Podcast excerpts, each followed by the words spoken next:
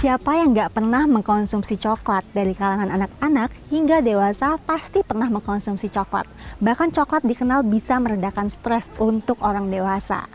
Namun masih sedikit orang yang mengetahui proses pembuatan coklat dari buah kakao seperti yang ada di samping saya hingga menjadi beragam aneka makanan yang bisa dikonsumsi.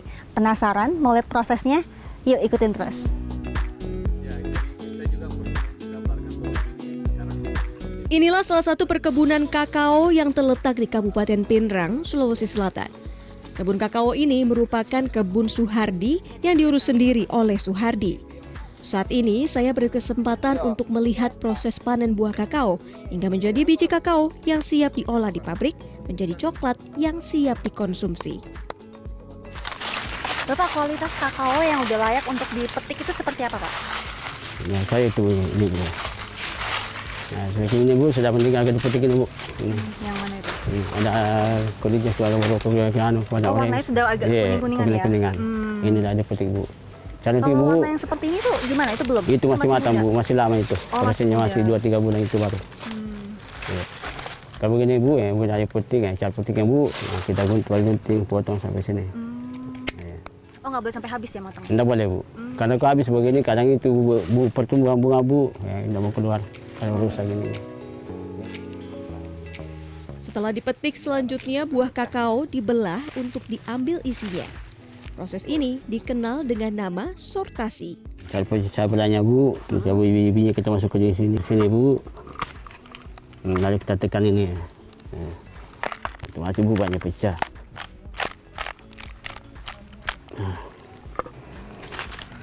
Pecahkan ya.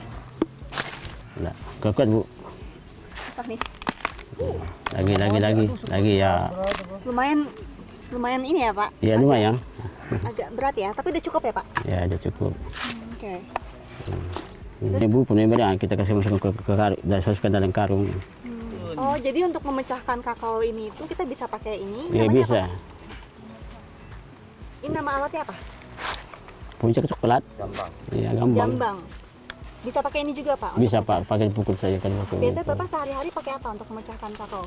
Kadang pakai bolok, pakai tumbuh, pak, pakai pakai bulu ini kan pukul di bawah. Pakai ini? Ya, biasa pakai kayu. Nah. Oh gitu. Kalau lembe, bu, cara bumbunya aku- lembe, aku- jadi bisa pecah. Pasti bisa.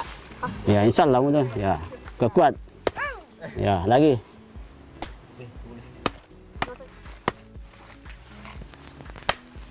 untuk memukulnya tuh ada teknik khusus nggak sih Pak?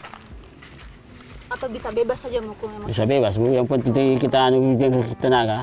Kalau kayak pukul yang lembe, ya, itu masih bu, nama baru pecah. Itu lebih bagus ya. Bagus. Sudah melewati panen serta sortasi buah, maka selanjutnya dilakukan pengeringan. Sebelum dikeringkan, biasanya harus melewati fase fermentasi. Tapi jarang sekali petani kakao Indonesia melakukan fermentasi. Alasannya, waktu yang dibutuhkan cukup lama, hingga 4 sampai 8 hari. Bapak bisa jelaskan nggak ini udah berapa hari dijemur? Kalau ini kurang lebih sekitar dua hari jemur. Butuh waktu berapa lama lagi untuk sampai bisa diolah menjadi produk jadi? Eh, untuk diolah itu untuk apa? Itu adalah standar kadar air 7 sampai 8 persen. Hmm. Nah untuk mencapai kadar air 7 sampai 8 persen itu membutuhkan waktu penjemuran dengan cuaca cerah. Normal Mhm. itu sekitar empat hari. Empat hari. Itu baru bisa diolah ya ke Iya, pabrik ya. Itu sudah bisa di. Biji kakao yang sudah melewati proses tadi akan diolah di pabrik. Biji kakao akan disorting atau dipisahkan yang berkualitas baik dan yang tidak. Selanjutnya, biji tersebut akan disangrai hingga matang. Proses ini dikenal dengan istilah roasting. Daging biji dan kulit ari dipisahkan. Disebut dengan proses winnowing. Kemudian akan dihaluskan menjadi pasta.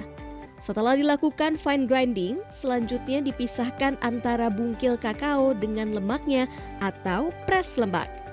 Proses tempering, pengecekan suhu sebelum coklat dicetak dan dikemas. Dan coklat siap dikonsumsi. Mentari Detanzil, Jimmy Chandra, Pindrang, Sulawesi Selatan.